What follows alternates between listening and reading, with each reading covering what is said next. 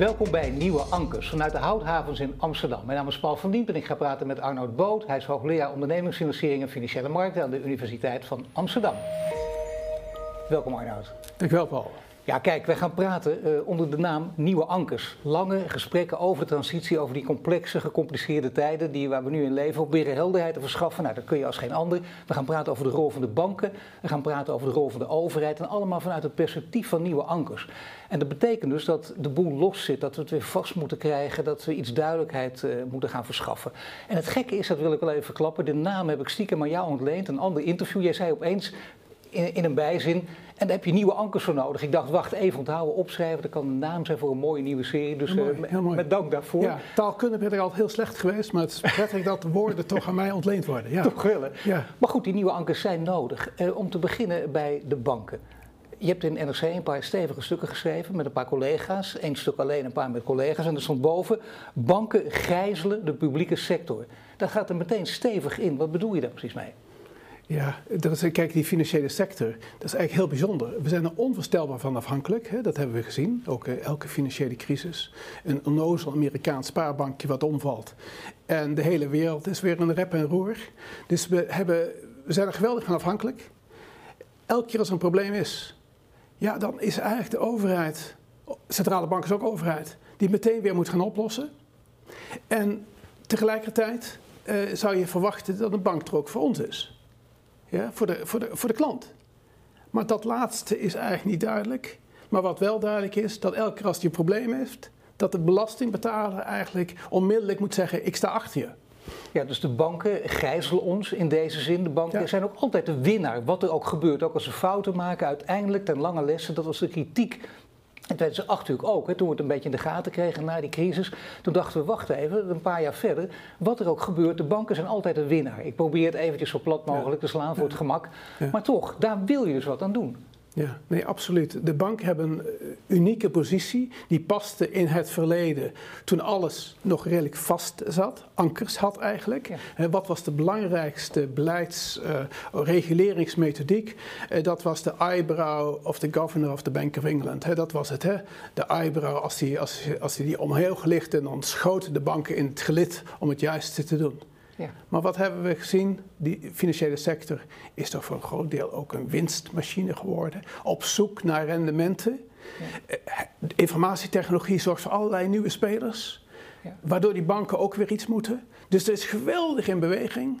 En tegelijkertijd kunnen we ons niet veroorloven dat een bank ten onder gaat. Want dan hebben we in ieder geval het idee dat de hele maatschappij stil komt te liggen. En dat weet de bank uiteindelijk ook. En dat laatste is voor hen zelf natuurlijk heel fijn. Uh, dan moet je het af en toe stevig aanzetten. Stevige woorden gebruiken om mensen wakker te schudden in beweging te krijgen. Dat doe je ook. Je hebt een paar keer in interviews geroepen. Het financiële systeem is failliet. Is failliet. En dat is wel keihard natuurlijk. Het financiële systeem is failliet. En dan denk je dat is ook zo. En ondertussen mag dat niet.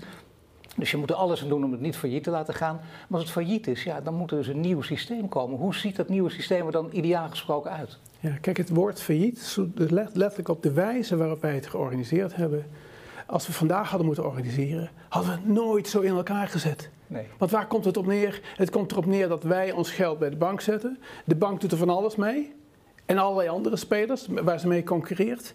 En om te zorgen dat wij bereid zijn ons geld bij die bank te zetten, zitten er allerlei expliciete en impliciete garanties op dat geld. Ja. Van de belastingbetaler. Er wordt wel eens gesuggereerd dat de banken onderling zich verzekeren, maar als het probleem groot is, dan is het natuurlijk de belastingbetaler. Want anders gaat het hele systeem meteen tegen de vlakte als we elkaar onderling verzekeren. Ja? Dus het systeem moet anders. Hadden we nooit zo in elkaar gezet. En dan is de vraag, waar kan die stabiliteit vandaan komen? Waar kan die stabiliteit vandaan komen? Hoe krijgen we automatisch vertrouwen in iets? Nou, betekent bijvoorbeeld dat wij als wij ons geld veilig willen parkeren, wat toch een basisbehoefte is van elke Nederlander, dan moet dat natuurlijk niet op een manier georganiseerd worden dat je aan een instantie geeft die er van alles mee doet. En om ons gerust te stellen, laten we de belastingbetaler, wat we ook weer zelf zijn, een soort garantie geven dat elke individuele belastingbetaler rustig kan blijven zitten en zijn geld bij de bank laat staan. Dus dat moet anders. En hoe kan het anders? Ja, we hebben, kijk, één ontwikkeling die al gaande is en waar op dit moment wat achterhoedegevechten zijn, is dat centrale banken zullen een belangrijkere rol gaan vervullen. Kijk, wij wilden geen cash onder het matras leggen. Dat was wel veilig in de betekenis van dat dat cash wordt uitgegeven door de centrale bank. En dat cash kan niet failliet gaan, even om het woord failliet te gebruiken, maar het kan wel gestolen worden. Dus je bent niet bereid grote pakken geld onder je matras te leggen. Nee, ik heb het nooit gedaan, jij denk ik ook niet. Nee, natuurlijk niet. Nou de, en, maar wij maken dan gebruik van het feit dat we bij de bank zetten en dat we weten dat er garantie is. Ja. Dat doen we. Maar wat er nu aan de hand is, is dat met moderne technologie is het onvoorstelbaar makkelijk voor centrale banken om een digitaal cash te creëren. Digitaal. Dus we hebben eigenlijk allemaal rekeningetjes straks bij de centrale bank. En dat rekeningetje bij de centrale bank is eigenlijk gewoon cash. Want cash is ook een tegoed op de centrale bank. Ja. Daar kunnen we betalingen mee doen. Daar gaat de centrale bank heus niet zelf organiseren. Dus er komt een soort uitvoeringsorganisatie die dat doet. En misschien is dat wel, een, uh, misschien is dat wel gewoon een uh, divisie uh, van een gewone bank. Maar die mag niet met dat geld spelen, want dat staat bij de centrale bank. Maar voor het gemak even, in de, in, dat komt erop neer uiteindelijk dat we ons geld direct bij de centrale bank gaan stallen een idee wat jij ooit ook geopperd hebt. Een kleine club met jou, ik denk een half jaar geleden ongeveer, misschien wel een jaar geleden. Maar dat idee, denk je, dat, gaat ook, dat, dat gaan we allemaal nog meemaken. Dat krijgt heel snel gestalte, dat wordt voor ons duidelijk. We gaan ons geld direct bij de centrale bank stallen. Dat kan. Die mogelijkheid, die gaat zeker komen. En die is er binnen, binnen een paar jaar, is die mogelijkheid er. Zo snel? Dat gaat heel snel komen, dat die mogelijkheid er is. Je hebt achterhoedegevecht waarbij dan gezegd wordt, om te voorkomen dat bestaande banken bij elk gerucht dat we allemaal ons geld naar de centrale bank gaan brengen. Waardoor de bank, de gewone banken in de problemen komen. Omdat we ons geld meteen verschuiven. Of het nu verzekerd is of niet. Want de centrale bank is veiliger dan wat dan ook. Dus we zullen heel snel genegen zijn het bij de centrale bank te zetten. Wordt er dan gezegd van het mag tot 2000 euro of 3000 euro. Om te voorkomen dat we al ons geld verplaatsen. Maar daar begint het mee. Maar dat, is, dat, dat, dat, dat snap ik. Aan de andere kant, we hebben ook een minister van Financiën. Het is een ander onderwerp, maar het gaat over de spaarrentes. En die zegt ook, oh je kunt ook naar het buitenland. Dat is toch bijna ook dan een oproep tot een bankrun, of niet? Ja, ik heb dat letterlijk ook zo opgeschreven. Hè. Toen had ik binnen de kortste keren had ik, uh, een of andere communicatiepersoon van het ministerie van Financiën aan de lijn. Een voormalig journalist trouwens. Een half jaar daarvoor was hij journalist. Dus ik oh, zei tegen haar, uh, notabene, die was een hele goede journalist, maar wat doe je nu? Ja? Uh, want de minister had niet gezegd naar het buitenland, maar had gezegd naar andere banken. In mijn stuk wat ik naar NRC had geschreven, ja. had ik ook staan naar andere banken. Ja. Had ik niet staan naar buitenland, naar andere banken. Maar ik had gezegd naar andere buitenlandse banken. Ja. En NRC had ervan gemaakt naar het buitenland. Want het waren natuurlijk naar andere buitenlandse banken. Want die buitenlandse banken in Nederland actief, of elders, doet er even niet toe. Uh, die bieden een hoge rente. Maar waar het hier om ging, uh, Paul, waar het om ging is... Uh, één, we, hebben het, we hadden het net even over de, de centrale bank, Central Bank Digital Currency. Die 3000 euro is natuurlijk niet geloofwaardig als maximum. Want op het moment dat er op het moment dat een Tweede Kamer zegt... het is toch idioot dat mensen hun geld niet veilig bij de centrale bank mogen zetten. Hoe komen ze op het idee, 3000? Dan is het onbeperkt. Wat dat betekent is dat banken zich daarop voor moeten bereiden. Die moeten hun balans aanpassen. Want ze kunnen er niet meer van uitgaan dat dat spaargeld, waar ze tot nu toe altijd vanuit gingen, dat dat niet in beweging kwam. Dat dat altijd van hun was. Dat gratis geld, want het is eigenlijk gratis geld voor banken, dat, dat is eindig. Banken zullen zich anders moeten gaan financieren. Dus die ontwikkeling krijgen we.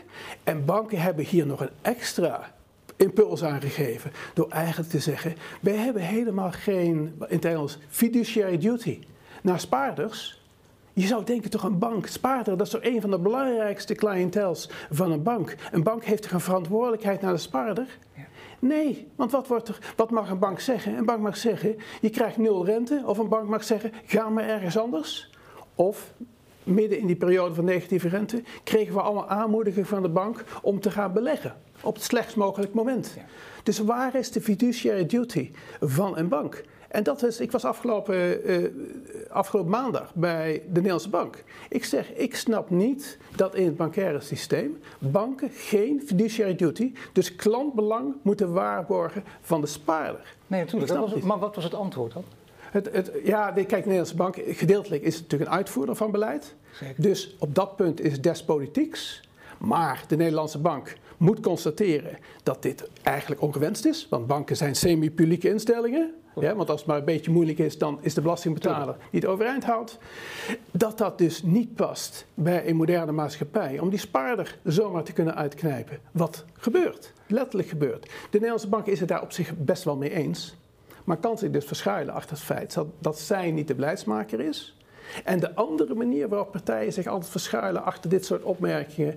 Ik herinner me het van het Woekerpolis dossier van verzekeraars. Toen de verzekeraars allemaal beleggingsproducten. Hoe jij voor het eerst bekend hebt met wie, of mag ik wel zeggen? Ja, dat claim, to, fame, claim to fame. Als ik onder de tram kom morgen, dan staat dat in de krant 1995. Eh, televisieprogramma's zijn eraan ontleend hè, eh, aan, aan, aan, aan, dat fenomeen. Wat was het antwoord toen van de minister van Financiën op dat moment, Zalm? Boot kan geen gelijk hebben. Dit was 95, hè, voor voordat, eh, voordat we met Woekerpolis uh, om zee waren geholpen als, uh, als, als Nederlander, 95. Boot kan geen gelijk hebben, want er zijn veel verzekeraars en die concurreren. Ja. En nu hoor je precies hetzelfde. Banken concurreren en die concurrentie bepaalt de spaarrente. Nou, we weten één ding, ze concurreren juist niet. Nee, dat is precies inderdaad steeds dezelfde uh, ja, om, ja, verhalen die er omheen worden gehangen, natuurlijk de doek die er overheen wordt gelegd. Een beetje om de boel ook te verhullen. We praten niet voor niks nu in nieuwe tijden. Dit zijn dus mooie tijden, nieuwe ankers, alles is los, om alles weer vast te maken, los te gooien tot een nieuwe, naar een nieuwe toekomst toe te gaan. Betekent dat we naar een toekomst gaan waarin banken niet meer, want dat is de cruciale vraag denk ik uiteindelijk wel, banken niet meer too big to fail zijn? Ja, banken waren natuurlijk en zijn eigenlijk nog steeds het systeem, zou je bijna kunnen zeggen. Ze worden straks onderdeel van het systeem. Ze zijn niet meer het, onderdeel van het systeem. Dus wat zul je zien? Er komen nieuwe spelers. Eh, we, spreken vaak over fintech hè, en over de big tech, de Googles, et cetera. Nou, in Amerika, Apple heeft samen met Goldman Sachs, en niet dat we zo veel van Goldman Sachs houden, en die houdt al helemaal niet van de consument, maar Apple heeft gezegd, ik creëer gewoon een spaarrekening via de banklicentie van Goldman Sachs, waar meer dan 4% rente op wordt gegeven, en dat doe ik voor mijn klanten op mijn Apple-platform. En dat gaan we krijgen. En op het moment dat je dat hebt, dan heb je een platform, of het nou Amazon, Google of Apple Kun je nog zo'n constructie noemen? Want dit is inderdaad een heel interessant, een sprekende ook natuurlijk. Maar wat voor constructie zouden we nog meer hier kunnen krijgen? Nou, Even voor de vuist weg, waar we jou niet op vast kunnen pinnen. Want dan zeg je weer 30 communicatieadviseurs aan de lijn. Maar, maar wat zou een andere kunnen zijn? Ja, dus er zijn eigenlijk drie. Hè? Uh, central Bank Digital Currency, dat je geld bij de overheid. Uh, nou, ik bedoel Goldman Sachs en Apple met z'n tweeën. welke twee zouden nog meer met elkaar kunnen? Oh, dat, maar dat is, al, dat, is al, uh, dat is ook wel aan de gang. Uh, Amazon heeft al financiële faciliteiten die ze dan via financiële spelers op het Amazon-platform aanbiedt. Maar je weet wat ik bedoel. Hè? In het verleden ging het ook over IKEA, uh, ging het ook over de HEMA en die zouden dan constructies aangaan met allerlei uh, technologische bedrijven. Ja. Zou dat, of met big tech zelfs, is dat nog steeds mogelijk of niet? Ja, nee, is absoluut. Maar wat je in de tussentijd ziet, is dat de, de big tech toch echt de bovenliggende partij is geworden.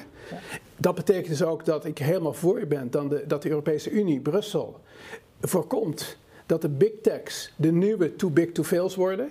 Want die harken alles naar elkaar toe op dat platform. En als iedereen op dat platform zit, dan zijn, is iedereen toeleverings bedrijf aan het platform. Het platform heeft alle contacten, en alle gaat de belastingbetaler daar de big tech in stand houden. Dat kan natuurlijk helemaal niet. Klopt. Dus het is cruciaal dat we dat goed in de hand houden. Want dat kan precies uh, zorgen aan de ene kant dat de banken minder dominant worden. Maar we krijgen er iets dominants voor terug wat nog veel erger is. Hè? Eh, eh, even heel kort, heel kort het bocht. Ja. absoluut. Maar dat is dus één ontwikkeling. Er zijn allerlei combinaties mogelijk. Die, die, die zie je eigenlijk ook al. Ja? Dus op dat uh, platform Amazon ja, je kunt gewoon op het moment dat je. Amazon heeft daar allerlei toeleveringsbedrijven zitten die producten verkopen via een platform. Ja. Zij heeft allerlei financiële instellingen, kan ze eraan koppelen. Waar men tegelijkertijd, op het moment dat je ziet dat je iets koopt. Oh, die heeft dan misschien financiering daarvoor nodig. Er komt dus meteen, op het moment dat je iets koopt, komt er een berichtje op jouw schermpje. En je kunt doorklikken naar die, eh, naar, naar die financier of die financieringsmogelijkheden. Of wij hebben Erger nog, hè, het platform, we hebben eigenlijk al uw data. Dus als u, als u even invult waar u behoefte aan heeft, gegeven het feit dat wij al uw data hebben, kunnen wij u soepel koppelen aan aanbieders. Ja. Dat gaat gebeuren. Ja. ja. Maar dus we hebben eh, als concurrent eigenlijk even, eh, als je even naar spaargeld kijkt van banken, dus dan is dat central bank digital currency, dat wordt een concurrent, waardoor banken zich in ieder geval anders moeten financieren. De Apple Goldman Sachs variant, en straks heeft Apple Goldman Sachs helemaal niet meer nodig. Waarom hebben ze die nodig? Omdat dat nog een beetje in, op dit moment makkelijker was voor Apple. Ja? Die variant heb je.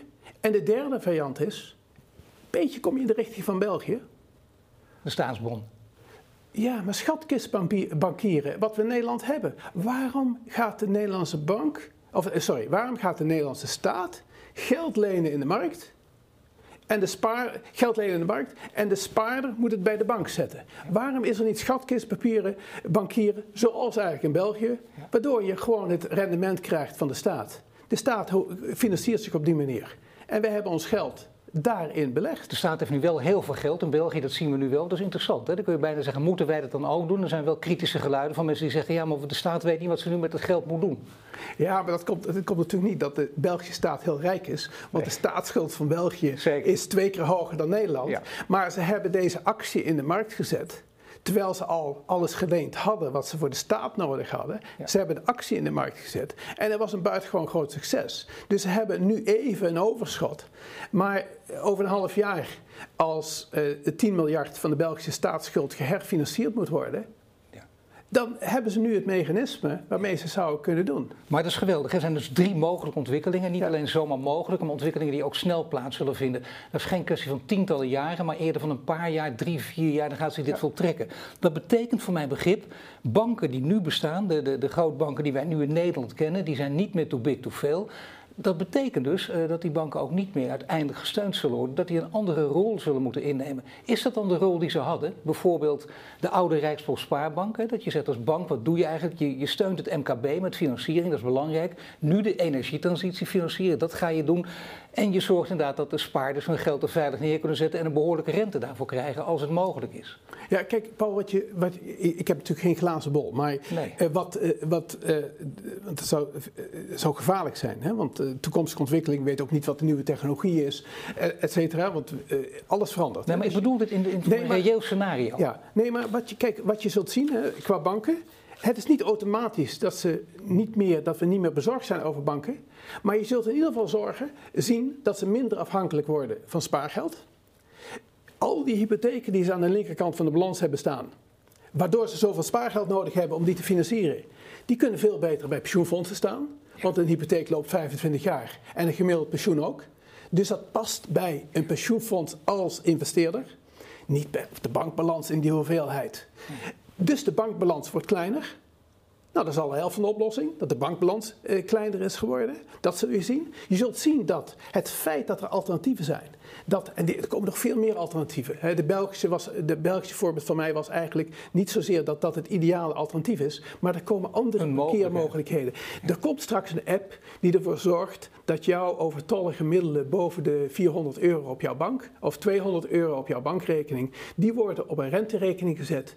En op het moment dat jij het nodig hebt, is binnen één seconde weer terug om betalingen te doen. Ja. Ja? Dat, dat, die dingen gaan gebeuren.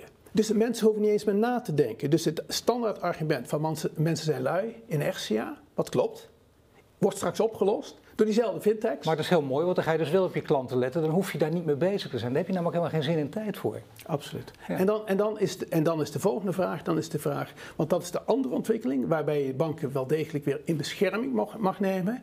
We laten allerlei publieke taken op dit moment uitvoeren door het bankwezen. Denk even aan dat witwassen. Ja, Witwascontroles. Eh, banken zijn dus eigenlijk langs die dimensie een soort compliance bedrijf van de overheid geworden. Laten we eerlijk zijn. En daar klagen ze ook terecht over. Helemaal terecht. Dus als we dat zo zwaar blijven aanzetten, dan worden banken totaal onbelangrijk als financier van de economie. Want ze worden compliance bedrijf. En dan zul je zien dat er andere financiers komen.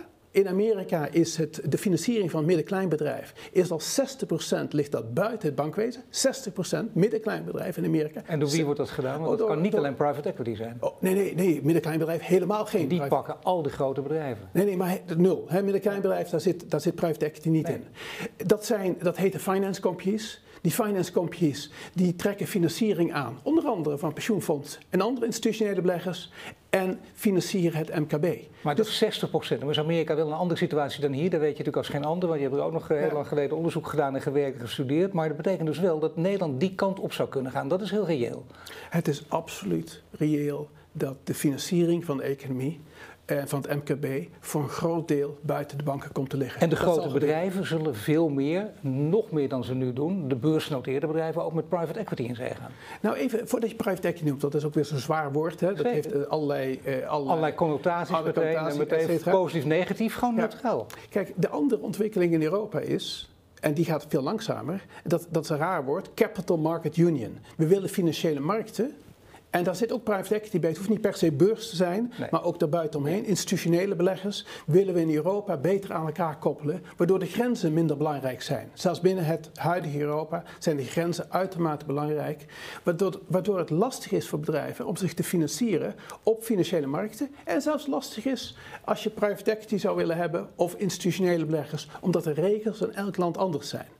Als je dat harmoniseert, en dat is eigenlijk het idee achter de Capital Market Union harmoniseert, dan zul je zien dat financiële markten, de institutionele beleggers erbuitenom, het hoeft niet per definitie via een financiële markt, het kan ook meer informeel, private equity belangrijker wordt. En als dat allemaal belangrijker wordt, dan worden banken ook automatisch minder belangrijk. En dan los je het financieringsprobleem op die manier ook op. Nu betekent het wel dat dit een, een letterlijk uh, nieuwe wereld gaat worden, die zich heel snel uh, voor ons uh, zal ontsluieren ook. Hè. We, we, gaan deze wereld ook ja. allemaal binnen een paar jaar gewoon meemaken. Je hebt geen glazen bol, maar je kunt ook wel zeggen dat het het meest voor de hand liggende scenario is. En als het niet waar is, corrigeer mij, maar ik denk dat, dat, ik, dat, dat ik dat uit je woorden kan opmaken. Dat de klant beter geholpen wordt, banken niet meer too big to fail zijn, een andere rol gaan invullen, meer hun oude rol die ze vroeger hadden. En dat je bijvoorbeeld als spaarder ook meer geld op je rekening zult krijgen. Ja, dus meer, meer rendement. Dus meer, rendement automatisch rendement, zonder, zonder dat je gedwongen bent Precies. riskant te gaan beleggen. Ja, dat, dat, dat gaan we absoluut zien. Maar het grote gevaar is wel, en dat is, eh, daar kom ik toch een beetje terug op die big tech. Mijn, de zorgen van Brussel over big tech, dat ze hun dominantie, hè, de Googles van deze wereld en de Amazons van deze wereld, de dominantie die ze krijgen, eh, dat dat dermate is eh, dat we weer achter de feiten aan gaan lopen we moeten daar geweldig op letten om te kijken dat ze de juiste rol vervullen en dat de markt optimaal kan innoveren. En dat Big Tech niet nog een stap verder gaat dan, eh, dan, eh, dan waar wij bij de banken eigenlijk al op mopperen. Dat is het grote gevaar, dat moet je gewoon niet hebben. Kijk, als zij een monopolie toegang tot informatie hebben, omdat ze al die klanten lopen via dat platform. En zij hebben de informatie, hè, de, de Amazons verkopen alles en nog wat in de wereld. Dus weten alles van ons, hè, ons gedrag hebben superieure informatie, zelfs om kredieten te verstrekken. Want het type informatie wat ze hebben, het gedragsinformatie over ons op basis van hoe wij ons gedragen, is buitengewoon waardevol om kredieten uh, te beoordelen. Dus als zij dat type markt, die dominantie hebben, ja, dan hebben we trouwens weer een beetje het paard achter de wagen gespannen. Nee, toen, dan gaan we inderdaad de nieuwe, uh, nieuw, dan worden de big tech, worden dat uh, too big to fail. Dat zou heel gek zijn. Dat betekent dat je zegt, uh, Brussel moet erop letten, moet Frankfurt er ook niet heel erg op letten. Speelt Frankfurt er ook niet een hele grote rol? Ja, en dat is, kijk, en dan heb je, dan heb je het ook over de Nederlandse bank, hè? Zeker. Europese Centrale Bank, Nederlandse Bank en al die andere centrale banken in Europa. het grote probleem, als wij in de Nederlandse bank op dit moment werken, dan kunnen we twee dingen doen. Dan kunnen we zeggen van, Boot, ja, die heeft waarschijnlijk wel gelijk. We moeten nadenken over het systeem en hoe het moet veranderen. Maar ik voel ook wel met hun mee. Zij leven op dit moment in dit systeem. Ja. En binnen dit systeem zullen zij de dingen in de hand moeten houden. Maar mag ik even de criticasters zeggen dit ook? Want dit is precies dezelfde kritiek die Shell natuurlijk ook krijgt. En Shell verdedigt zich ook op die manier. Die zegt, ja, maar wij zitten in dit systeem. Oftewel, ze proberen de boel zo lang mogelijk te redden, zo lang mogelijk van fossiel te blijven genieten. Terwijl iedereen zegt, althans de criticasters zeggen, zo snel mogelijk ervan af. Dat spanningsveld, hoe kun je dat doorbreken? Ja, als het gaat over centrale banken is het buitengewoon ingewikkeld. Want centrale banken hebben een bepaalde onafhankelijkheid. Maar die onafhankelijkheid is, is natuurlijk gelimiteerd. Ja. Want uiteindelijk is, gaat de politiek over centrale banken. Maar we hebben ze op afstand gezet om te zorgen dat de politiek niet op dagelijkse basis het ene speeltje na het andere uh, gaat gebruiken om de volgende verkiezingen te kunnen winnen. Want dat is niet echt verstandig beleid als het over het financieel systeem gaat. Dus we hebben een bepaalde constantheid klein beetje anker proberen te creëren door het iets op afstand te zetten. De ontwikkelingen met betrekking tot informatietechnologie, de nieuwe dingen die komen, de vloeiendheid van het systeem, dat is iets waar toezichthouders bijna niet mee om kunnen gaan. Ook de ECB niet. Dus de ECB moet kost, kost wat kost proberen nu het zaakje in de hand te houden. Ja. Ze heeft grotere problemen misschien wel op dit moment. Want als de, als de overheidsautoriteiten schulden steeds meer op laten lopen. Wat betekent dat voor centrale banken? Dat betekent dat centrale banken in alle acties die ze hebben angstig zijn of landen en sectoren die schulden wel kunnen. Ja, de eh, wereldwijde schuldenlast is extreem. Die kan ook exploderen. Dat moet je al helemaal niet hebben. Ja, en, een soort kernbom op de economie eigenlijk, op de financiële markt. Maar dat is eigenlijk wat toch heel veel overheidsautoriteiten doen. Hè? Want de schulden in de wereld lopen nog steeds op. Zelfs in Nederland. We hebben nu gelukkig even inflatie en oplopende rente. Dat zet in ieder geval iets rem op uit. Het is goed om even voor het perspectief wel te plaatsen waar wij staan en waar bijvoorbeeld Italië staat. Dat we zien wat, en waar Frankrijk staat. Ja, dan staan we er weer redelijk goed voor als het gaat over de schuldenlast. Nee, kijk, als, kijk, eh, als je naar Nederland kijkt, wij zijn een ijzersterk land. We zijn een ijzersterk land. Wij kunnen een hele generatie de zaak in de soep laten lopen en dan staan we er nog goed voor. Ja. Maar dat is wel natuurlijk een heel gevaarlijk punt. Want dat betekent dus dat er geen marktcorrectie komt zoals bij Italië. Als je bij Italië een raar ding roept, lopen de rentes op. In Nederland. Wat Meloni deed, de winstbelastingen, of de, de, de belaste winst van de banken belasten en zo. Je zag meteen de reactie natuurlijk daar, echt waanzinnig. Dat kon ook niet. Dat is een hele domme fout, dat moet je niet doen. Ja, het was een soort Liz actie zoals Precies. Liz Truss binnen een paar dagen haar eigen uh, premierschap in Engeland onmogelijk maakte. Dus het was de verslagen... meteen teruggetrokken Ja, het was de verslagen onvoorspelbaarheid van de actie. Het was niet noodzakelijkwijs, noodzakelijkwijs een verkeerde actie, maar de volstrekte onvoorspelbaarheid. Want als je dit doet, wat doe je morgen? Ja. ja? En die onzekerheid blaast een land op. Maar ik kan je zeggen, als wij dit in Nederland zouden doen, de Nederlandse rente zou niet bewegen. Ja. Zou niet bewegen. Waarom? Omdat wij binnen Europa een uitermate sterk land zijn. We hebben eigenlijk geen overheidsschuld, wat raar klinkt. Want als je naar Den Haag kijkt, dan zegt men toch, het is toch echt, wat is het, 53% eh, of 54%, het loopt op van het nationaal inkomen. dus we praten over honderden miljarden. Maar Nederland, de Nederlandse staat heeft een belastingtegoed op ons pensioenstelsel van minstens een even groot bedrag. Dat is niet geïncasseerde belasting, want men mag sparen in die pensioenfondsen waar we die gigantische bedragen hebben. Kun je nagenoeg goed te de voorstellen? En als ik het even heel plat mag zeggen, wat jij wat netter zijn, maar dat betekent dus dat het best een gevaarlijke boodschap. Wij kunnen het in één generatie alles nog eens totaal lopen verkloten, is er niets aan de hand. Wij worden niet... Dat wil je liever niet horen, want ik bedoel, dan denken mensen, nou dan kan ik voorlopig rustig op mijn, op mijn lauwen gaan rusten. En Peter Wenning, ASML, die giet niet voor niets. We moeten juist wakker worden, we moeten niet dom en gelukkig blijven, om het even simpel samen te vatten. Klopt. Wakker schudden. Europa moet niet achter blijven lopen bij de rest van de wereld. Ja. Maar wat zeg je dan tegen mensen die denken, wacht even, ik hoor van Arnold Boot net, die zegt, we kunnen de generatie lang lopen verkloten, maakt toch niet uit. Ja, het is eigenlijk hetzelfde als met pijn in je rug. Uh, als je pijn in je rug hebt, heeft het weinig zin om rugoefeningen te gaan doen. Je moet oefeningen doen voordat je pijn in je rug hebt. Dus als het goed gaat, en de Nederlandse economie eigenlijk sinds de jaren 90 draait als een tierenlier. We gooien af en toe even onze ruiten in door alle banken te laten omvallen. Maar binnen de kortste keren is alles weer omhoog. Binnen de kortste keren. Uh, dat dus, dus uh, de schade die je, die je toebrengt door bijvoorbeeld nu, en dan kom je ook een beetje op bedrijfsleven, door nu het bedrijfsleven te gaan beschadigen, is en niet te gebruiken waar ze goed in zijn, de innovatieve kracht van het bedrijfsleven, ja, waar, waar, waar, ASML uh, eh, een voorbeeld van is, betekent dat in de toekomst wij rijkdom hebben weggegeven. Die bedrijven zijn afgeschaald. Zijn, we hebben alleen nog maar restaurants en coffeeshops eigenlijk. Dus we hebben geen innovatieve bedrijven meer. En dat betekent dus dat in de toekomst we die achterstand krijgen. Maar beleid heeft dus altijd een soort vertraging van 10, 15 jaar. En in die 10, 15 jaar hoef je nog niet veel te merken. Maar je legt wel de voedingsbodem voor verlies aan welvaart. Voor de rugpijn toeslaat, ingrijpen natuurlijk en zorgen dat je wat gaat doen. Dan zijn we vanzelf bij de rol van de banken, die veranderende rol die je mooi geschetst hebt, komen op die veranderende rol van overheid en bedrijfsleven.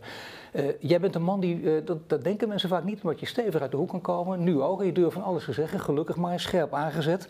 Maar uh, wel iemand die ook van polderen houdt privaat-publiek heel belangrijk vindt, waar Nederland ook een uitblinkt jarenlang. Het buitenland prijst ons daarom. Je bent lid uh, van, van, de bankenraad geweest van de Nederlandse Bank, voorzitter zelfs ook nog even. Ja, voorzitter. Kijk aan, ja. Nee, we 14 jaar, 7 jaar voorzitter. 20 jaar lang lid van, lid van de WRR. Met, met een heel 10 jaar uh, raadslid WRR, 10 jaar kroonlid, kroonlid Sociaal-Economisch Raad. Uh, ja, ja, dus, en zo gaan we door. Ja. Dus gaan we door. Dat betekent dat je die wereld ook heel goed kent en dat je dat, je dat ook, ook van belang acht. En dat, dat blijkt misschien dus uit het laatste rapport van de WRR waar je aan hebt meegewerkt, want je hebt in januari afscheid genomen van dit jaar. Dit jaar is 2023.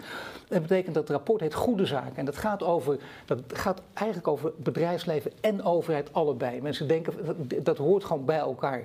En je hebt er al een, een soort prelude opgenomen in 2016, eerder onderzoek. Maar wat is de conclusie van dat WR-rapport? Want dat is natuurlijk denk ik een mooi thema om nu op aan te laten sluiten. We zien wat de banken dus gedaan hebben. Wat gaan overheid en bedrijfsleven doen? Of wat moeten ze doen? Ja. Kijk, er spelen twee dingen. En dat is waarom, waarom dit rapport ook een natuurlijke uh, opvolger is van dat financiële sectorrapport. Uh, het heeft helemaal één, het heeft helemaal geen zin als we als overheid en bedrijfsleven gaan zwarte pieten. Ja. Want de maatschappij heeft bedrijven nodig. De innovatieve kracht komt van bedrijven. Het is de wisselwerking tussen verschillende actoren, overheid, bedrijven, ja, en ook gewoon onderwijsinstellingen, mensen, et cetera, die een maatschappij sterk maakt. Dat is de kracht ook van Nederland. Dus als jij het over polderen hebt, dan gaat het niet zozeer over het polderen van dat er weer eens een keer geen beslissing is genomen, want er is gepolderd. Nee, er is een cultuur in Nederland van samenwerking. En het is die cultuur van samenwerking die ons een groot handelsland heeft gemaakt, waar, waar we ons succes aan ontlenen. Dat is het onderliggende van polderen. Niet de rare deals die af en toe gemaakt worden waar je je haren soms uit je hoofd trekt. Maar eh, Zwarte Pieten moet afgelopen zijn. De maatschappelijke uitdaging vandaag is gigantisch groot. Op allerlei vlakken. Niet alleen milieu, klimaat, maar ook gezondheid, uh, ruimtelijke ordening, noem alles maar op. Onderwijs, uh, gelijke kansen, ja, et cetera. Buitengewoon belangrijk. En het kan niet zo zijn dat we de belangrijkste actor in de maatschappij, want dat zijn de bedrijven, dat we die kracht van die bedrijven niet gebruiken. Dat is de reden geweest van dit rapport hoe de kracht van bedrijven te gebruiken. Het gevaar dus ook van dat er veel uh, gebashed wordt tegen bedrijven. Mag ik toch even Wenning aanhalen, die toen zei, bij eigenlijk, uh, hij heeft een nieuwsuur gezegd, maar vooral bij die, bij die opening speech van het academisch jaar van de TU Eindhoven, daar heeft hij dat geroepen. En toen zei hij ook, kijk eens naar Zuid-Korea, waar bijvoorbeeld bij het industriebeleid zorgt dat je, dat je een speerpunt neerzet. Dat is de halfgeleidersindustrie, dat is heel duidelijk. Dan zullen mensen altijd mopperen, dat krijg je. Maar dat hoort ook bij het leiderschap, je moet een keus maken. Is dat de richting die we dan op moeten, bedoel je dat ook? Dus dat je niet alleen maar op het bedrijfsleven moet bestje, maar een keuze moet maken van hier zetten we op in? Nou, eigenlijk ben ik daar helemaal op tegen. Dat type keuzes maken kan toevallig goed uitgepakt hebben in Zuid-Korea. Maar het, daar gaat het eigenlijk niet om. Ja, het is, eh, we kunnen erover discussiëren. We kunnen erover discussiëren. En uh, uh, waar het om gaat is dat bedrijven, als je die qua onderwijsinstellingen, als je ze in de juiste omgeving plaatst, dragen ze bij aan de omgeving. Ze komen met innovaties. We hebben met 150 bedrijven gepraat in vier sectoren. Want we hebben gezegd in, in, in, dit, in dit onderzoek, we gaan niet weer met beleidsambtenaren praten. Die, die, eh, ook beleidsambtenaren bij grotere bedrijven. Ze slaan allemaal dezelfde zinnen uit waar je tranen in je ogen krijgt. Over hoe belangrijk alles en nog wat is. We willen praten met de mensen met de voeten in de klei. Wat betekent het ondernemen? Met een lelijk woord de werkvloer. De mensen die weten hoe het eh, ja, en goed, Ja, en ook de CEO natuurlijk, zelf de baas van het geheel. Wat betekent dat? Wat bepaalt jouw succeskansen? En waar zie jij mogelijkheden om bij te dragen aan die grote maatschappelijke opgave die Nederland heeft? En waar, wat houdt je tegen? En hoe zit die overheid erin? We hebben ook, we hebben ook een heel aantal van die bedrijven, toch om even een idee te geven, uh, waren dochterondernemingen van Amerikaanse bedrijven. En weet je wat het mooiste was? Als je vroeg van hoe wordt er aangekeken tegen buitenlandse investeringen door het uh, moederbedrijf? Het standaard antwoord wat we kregen was als in Amerika naar Europa wordt gekeken voor vestiging, wordt altijd op de eerste plaats naar Nederland gekeken. Dat is waar iedereen wil zijn, Nederland omdat dat vestigingsklimaat in termen van cultuur, waar we het er straks even over hadden, opleidingen, talen, etc., de ligging van Nederland, wat het grootste cadeau is. Je kan alles fietsen en lopen, dat wordt echt onderschat hier, maar dat wordt inderdaad door het buitenland altijd als heel positief gezien. Alles. Ligging, optimaal vervoer vanuit Nederland. Natuurlijk kan er van alles beter. Ja? anders zou je mij niet horen elke dag. Ja, het kan van alles beter. Ja? Maar het vestigingsklimaat in algemene zin, wat dus, niet, wat dus niet van die kleine dingetjes zijn, gewoon in het algemeen, ook wat in de hoofden van mensen zit. Nederland gigantisch goed staat ervoor. Nou, dat betekent niet dat we op onze lauweren moeten gaan, rusten. Ja? Precies wat we net zeiden. Waar, wat hindert je? Dus dat was de vraag. En waar zit die overheid dwars? Waar doet de overheid iets goed, et cetera? Nou, de belangrijkste opmerking die wij kregen was, was niet in de geest, er zijn te veel regels, wat natuurlijk altijd wel gezegd wordt. De belangrijke op, op, de opmerking was, wij willen gewoon duidelijkheid. Geef duidelijkheid. Wat, wat is het wat we mogen en wat we niet mogen? En als je veel in die wereld zit en ik ook al veel met deze mensen praat, dan hoor je dat echt altijd. altijd. Desnoods de hele negatieve boodschap is vreselijk, maar dan weet je waar je op in moet stellen. En een bedrijf past zich aan dan. Investeringen doe je voor de komende 30 jaar. Dus we praten niet over duidelijkheid uh, want politici denken nu, als ze duidelijkheid geven tot 2030, dat ze daarna van alles kunnen roepen over bedrijven. Nee, natuurlijk niet. Want bedrijven investeren niet tot 2030. Het voordeel van het bedrijf zag ik ook. We hebben net 80 zonnepanelen per dag gezet. En opeens horen van de energiebedrijf dat we daarover moeten gaan betalen. Hadden we dat maar geweten. Dat zijn van die hele lastige zaken natuurlijk. En dat is maar één klein voorbeeldje. Het rapport heet niet voor niets Goede Zaken naar een grotere maatschappelijke bijdrage van ondernemingen. Mag ik even een paar dingen eruit lichten, Arnoud? Want die heb ik even op een rij gezet. Het regeringsbeleid beleid houdt gevestigde ondernemingen te veel uit de wind. Ze blijven afwachtend en vernieuwen niet. Verkeerde prikkels worden gegeven. De discussie over de hoge fossiele subsidies wordt in een bepaald daglicht gezet. De overheid moet duidelijkheid verschaffen wat je zegt. Goede zaken moeten lonen. En uh, ja, stimuleren van maatschappelijk belangrijke investeringen door het Nationaal Groeifonds en InvestNL, dat hebben we eigenlijk al. Maar jij zegt nee, dat hebben we helemaal niet. Mensen mopperen daar ook heel vaak over. Dus er is wel een oplossing. Zullen we met die laatste even beginnen? Want dan weet het Nationaal Groeifonds en InvestNL ook meteen waar ze aan toe zijn volgens mij is jouw idee, laten samenvoegen. Ja, kijk, mijn afscheidsinterview op WR, dit is mijn afscheidsrapport. Ja, uh, ja. Afscheidsinterview. Cadeau ook meteen, hè? Ja, cadeau. Het, uh, zeker. Ik denk, want WR gaat over de samenleving. Belangrijkste rapport in mijn geschiedenis van de WR en waarom ik ook lid van de WR werd, is 1980. Plaats en toekomst van de Nederlandse economie in 1980. Bedrijfsleven zat in een verdomhoekje. Dus de geschiedenis herhaalt zich. Belangrijkste rapport in mijn, eh, in mijn hoofd van de, van, van de, van de WR. Eh, dus WR speelt een uitermate belangrijke rol. Dus even uh, met betrekking tot ja, tot e- even terug naar bedrijven, hè? want daar had je het over. Hè? Even, dat ik even goed aansluit op jou. Nou ja, dit gaat over. De, we, hebben, we hebben een Nationaal Groeifonds, we oh, hebben InvestNL. En die stimuleren maatschappelijk belangrijke investeringen. Dan zeggen mensen, we hebben het toch vaak goed geregeld. En ik hoor heel veel gemopper. En toen las ik jouw oplossing, althans ik dacht dat die uit jouw koken kwam. Voeg ze samen. En dat leek me een heel goed idee, maar ja, dat moet jij dan even uitleggen. Ja, kijk, ik heb bij het afscheid gezegd van de WR. van ik heb altijd willen voorkomen in de WR dat elk rapport van ons eindigt in de creatie van een nieuw instituut. Ja. Weer een nieuwe oplossing. In plaats van het bestaande versterken, gaan we weer iets nieuws te zetten naast het bestaande en het bestaande verdwijnt nooit. Dus, wat heb ik in 2021 uh, ESB geschreven? Ik heb een artikel in ESB geschreven. De overheid moet, moet een stap terugzetten, moet effectiever worden.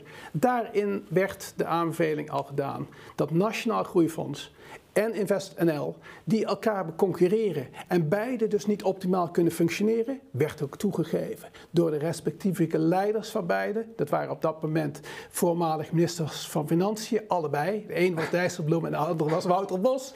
Werd zelfs toegegeven dat dit nooit de manier was waarop ze het ooit bedacht hadden. Samenvoegen, want kennis zit bij InvestNL, daar zit die staf. Ze kunnen niks, omdat het groeifonds gratis geld kan uitdelen. En InvestNL moet moeilijk doen. Samenvoegen heb je een publiek-private bank, want zorg dat je die private sector erbij houdt. Dat geeft een verzakelijking. Het zet het op iets grotere afstand van de overheid. Het voorkomt dat het Nationaal Groeifonds nu gebruikt wordt als een lobbymachine. Hoe krijgen we zoveel mogelijk geld eruit? Ik wil ook geld uit dat fonds. Geld op zoek naar toepassing. Precies het verkeerde. Maak het effectief. Geef het een missie. Partijen zijn er in het algemeen voor. Ook twee jaar geleden het is er nog niet van gekomen. Maar nu het in het 2R-advies staat, hoop ik dat het komende regeerakkoord dit opneemt als iets wat absolute noodzaak heeft. Ja, ja dit is uh, heel mooi dat je dit zegt. Uh, dit uh, gesprek voeren wij vlak voor Prinsjesdag. Wij proberen dit gesprek zo snel mogelijk naar buiten te brengen. Maar dat we even voor de, voor de tijdsaanduiding is het, is het wel aardig om dat aan te geven. Bijna alles lekt al uit. dit kun je ook wel even uit laten lekken, toch? dit gaat ook door, of niet, deze aanbeveling? Die wordt overgenomen, wie er ook komt in, uh, nou, aan, de macht. Het zal in het regeerakkoord uh, moeten komen. Het zal niet, op Prinsjesdag uh, zal het niet van afhankelijk zijn, want het kabinet kan natuurlijk weinig. Nee, maar even qua tijd natuurlijk. Maar het zal in het regeerakkoord uiteindelijk, hoe dan ook, terechtkomen, wie daar ook in zit of niet. Nou, ik hoop het. Je kunt. Paul, Paul nou al die jaren ervaring, dan kun je het heel ja, een beetje maar, aanvoelen wat ja, er maar, maar, maar, alle jaren ervaring, de, de 30 plus jaren advisering richting overheid. Ik heb één ding geleerd. Uh, je, je moet altijd energie houden met betrekking tot je aanbevelingen, ook al moet je ze duizend keer herhalen. Uiteindelijk gebeuren dingen, misschien die je twintig jaar eerder gezegd hebt dat moest, moest gebeuren. En hopelijk is het geen twintig jaar. Uiteindelijk gebeurt het. Weet je niet of het vanwege jouw opmerkingen gebeurd is. Of dat je net een duwtje gegeven hebt op wel of niet het goede moment. Als je dat niet accepteert, dan word je cynisch. Ja. En dan kun je niet. Dat heb ik twintig jaar geleden al geroepen. Dat hoor je inderdaad te vaak. Dat doe je gelukkig bijna nooit. Maar dat zijn mensen die dat heel vaak doen. Dat, daar moeten wij vanaf. Eh, daar moet je absoluut vanaf. Want dat is een, eh, de politiek is gewoon ingewikkeld. Er spelen allerlei belangen. Je opereert niet in een technocratische maatschappij van we gaan het zo doen. Uh, dat geldt niet alleen voor de politiek, geldt ook voor bedrijfsleven. Mijn vraag is dan wel ook aan jou, want jij kent al deze mensen ook heel goed. Wat is de reden dat ze deze dilemma's die jij nu hier op tafel legt, zelf niet vaker op tafel leggen? Het zijn mensen van allure, hè, dat willen ze graag in profielen wel zien, dat mag ook. Vaak is het ook zo. Maar waarom ook dan niet, als je allure hebt, gewoon met lef dat op tafel leggen? En gewoon zeggen, hier sta ik voor. Het is inderdaad niet zo makkelijk. Ik moet hier keuzes uitmaken. Zou je dan, zou je dan niet veel makkelijker bijna iedereen ook meekrijgen en meer sympathie kweken? Nou, het is niet dat het niet gebeurt. Hè? Laten we, la, laat Het gebeurt heel weinig. Ja, maar, maar je zit een beetje eh, op de problematiek waar we eerst spraken. Je zit als bijvoorbeeld als Nederlandse bank, zit je in een bepaald systeem en je moet zorgen dat je systeem overeind houdt. Hè? Even, even heel kort op de bocht. En dat verhoudt zich niet met het elke dag ter discussie stellen van het systeem. Want je zult vandaag het zaakje ook overeind moeten houden. En zo zitten bedrijfsleiders er natuurlijk ook in. En er zijn grote veranderingen, dus je weet ook niet precies wat er morgen gebeurt het is ook niet zo dat één bedrijf door iets te roepen automatisch die andere bedrijven meekrijgt, terwijl ze toch uiteindelijk gezamenlijk moeten springen.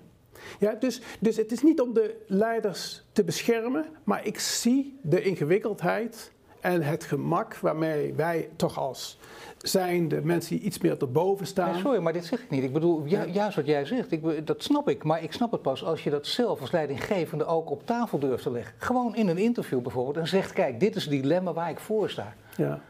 Meintje Lucraat, eh, volgens mij uh, hoogleraar in, in, eh, in, Tilburg, heeft er pas een boek ook over geschreven. En die zegt, dit is van belang. En ik voeg er dan mijn eigen woorden aan toe. Als je dan toch allure hebt, leg dat dilemma gewoon op tafel. Zeg dat dit het is. Nee, Paul, ik denk dat het veel meer kan gebeuren. Ik geef je één anekdote. Het is niet helemaal een anekdote, maar, want het is werkelijkheid.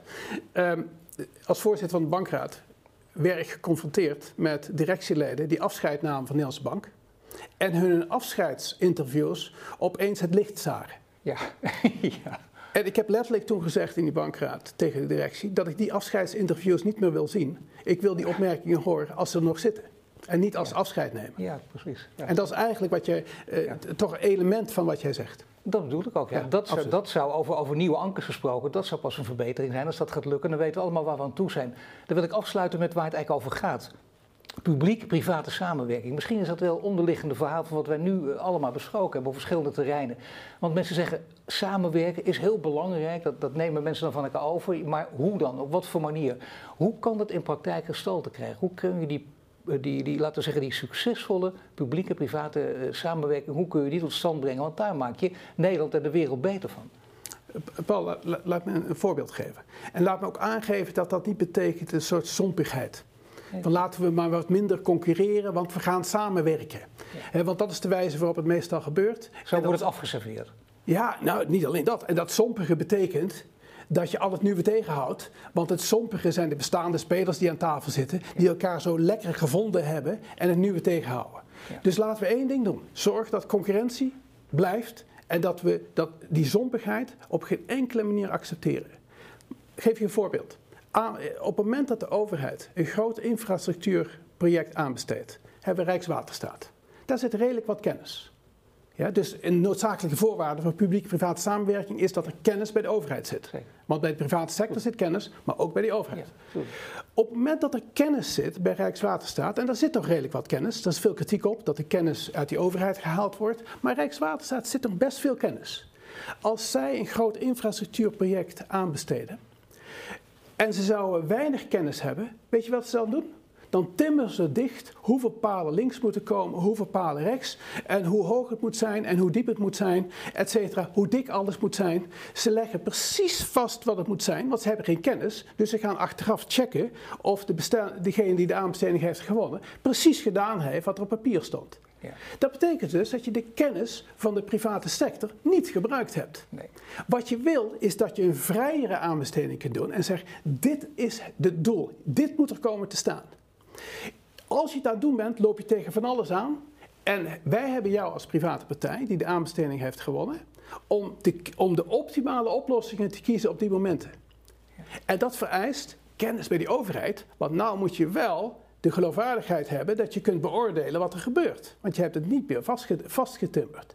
Dus publiek-private samenwerking betekent dat beide partijen hun eigen positie markeren, dat er kennis is aan beide partijen en dat je dus met een veel opener contract met elkaar bezig kunt zijn. En doordat je kennis hebt, word je niet overvallen door wantrouwen, want je kunt elkaar corrigeren. Dat wou ik zeggen, dat vertrouwen is daar wel essentieel bij natuurlijk. En dan komen we misschien ook weer op het thema als blockchain, om de grote transparantie. Dat gaat te ver nu. Maar uiteindelijk heeft het daar wel mee te maken natuurlijk. Uiteindelijk moet je dat vertrouwen zien te krijgen. En dat krijg je op deze manier. Zodat je niet zo over je plannen heen gehuld blijft hangen. Want dat zie je natuurlijk heel vaak. Uiteindelijk als puntje bij paaltje komt. Die achterdocht. Heb jij de indruk uh, bij alle chemia waar je komt, je praat met, met beleidsmakers, maar ook voor je rapport met de mensen van de werkvloer, dat die achterdocht groter wordt of die achterdocht juist aan het afnemen is in deze tijden? Nou, ik kijk even uh, groter afnemen, toenemen. De achterdocht, op het moment dat je met een onderneming praat, valt die achterdocht geweldig mee. Als je vraagt als, met die ondernemer, je hebt contact met een ministerie, hoe bevalt dat contact? Bijna altijd positief. Dus die achterdocht, dus het wantrouwen is toch weer een beetje hier. Als je aan een persoon vraagt, vertrouw je de overheid, dan roept hij snel nee. Maar op het moment dat je het concreet maakt, zegt hij heel vaak ja. ja. En, dat zie, en dat zie je dus hier ook. Maar je hebt gelijk, uh, heel veel aspecten van hoe je met elkaar omgaat speelt vertrouwen een rol. De vertrouwensbasis in Nederland is groot. Hè, onderdeel van de het succes van Nederland is. Het feit dat wij goed kunnen samenwerken in een markteconomie waar geconcurreerd wordt, is dat op het eind van de dag is er vertrouwen. Er is niemand in het bedrijfsleven die zomaar roept dat er corruptie in de overheid is. Dat ze er voor zichzelf zitten. Dat hoor je wel door complotdenkers, maar niet in het bedrijfsleven. De Nederlandse overheid is niet corrupt. En aangezien dat in het hoofd zit van mensen, is de vertrouwensbasis heel goed. En nou moet je naar een land gaan waar dat in het hoofd van mensen anders zit. Waar iedereen denkt, nou die andere probeert er ook een slagje van te maken voor zichzelf. Als je in zo'n maatschappij zit, Brazilië bijvoorbeeld, om er even eentje te noemen, dan durf je dus niet met elkaar aan zee te gaan. En dan ga je zelf ook in de pot graaien, want iedereen doet het. En hoe kom je ooit uit die wantrouwende, corrupte omgeving? Bijna onmogelijk. Wij zitten in een heel heldere omgeving. Ik ben optimistisch over Nederland. Nou, dat is een, echt geweldig mooi einde. Het zou doodzonde zijn om daar nog overheen te willen gaan. Dat doe ik ook niet. We hebben 50 minuten gesproken. Uh, zeer dank voor jouw woorden. En bovendien Arnoud, een man met een uh, Arnoud Boot, met, met, een maritieme achternaam, die ook nog de, de bedenker is in zekere zin over de term nieuwe ankers. Hartelijk dank voor die naam en hartelijk dank voor dit gesprek. En u natuurlijk hartelijk bedankt voor het luisteren naar dit interview.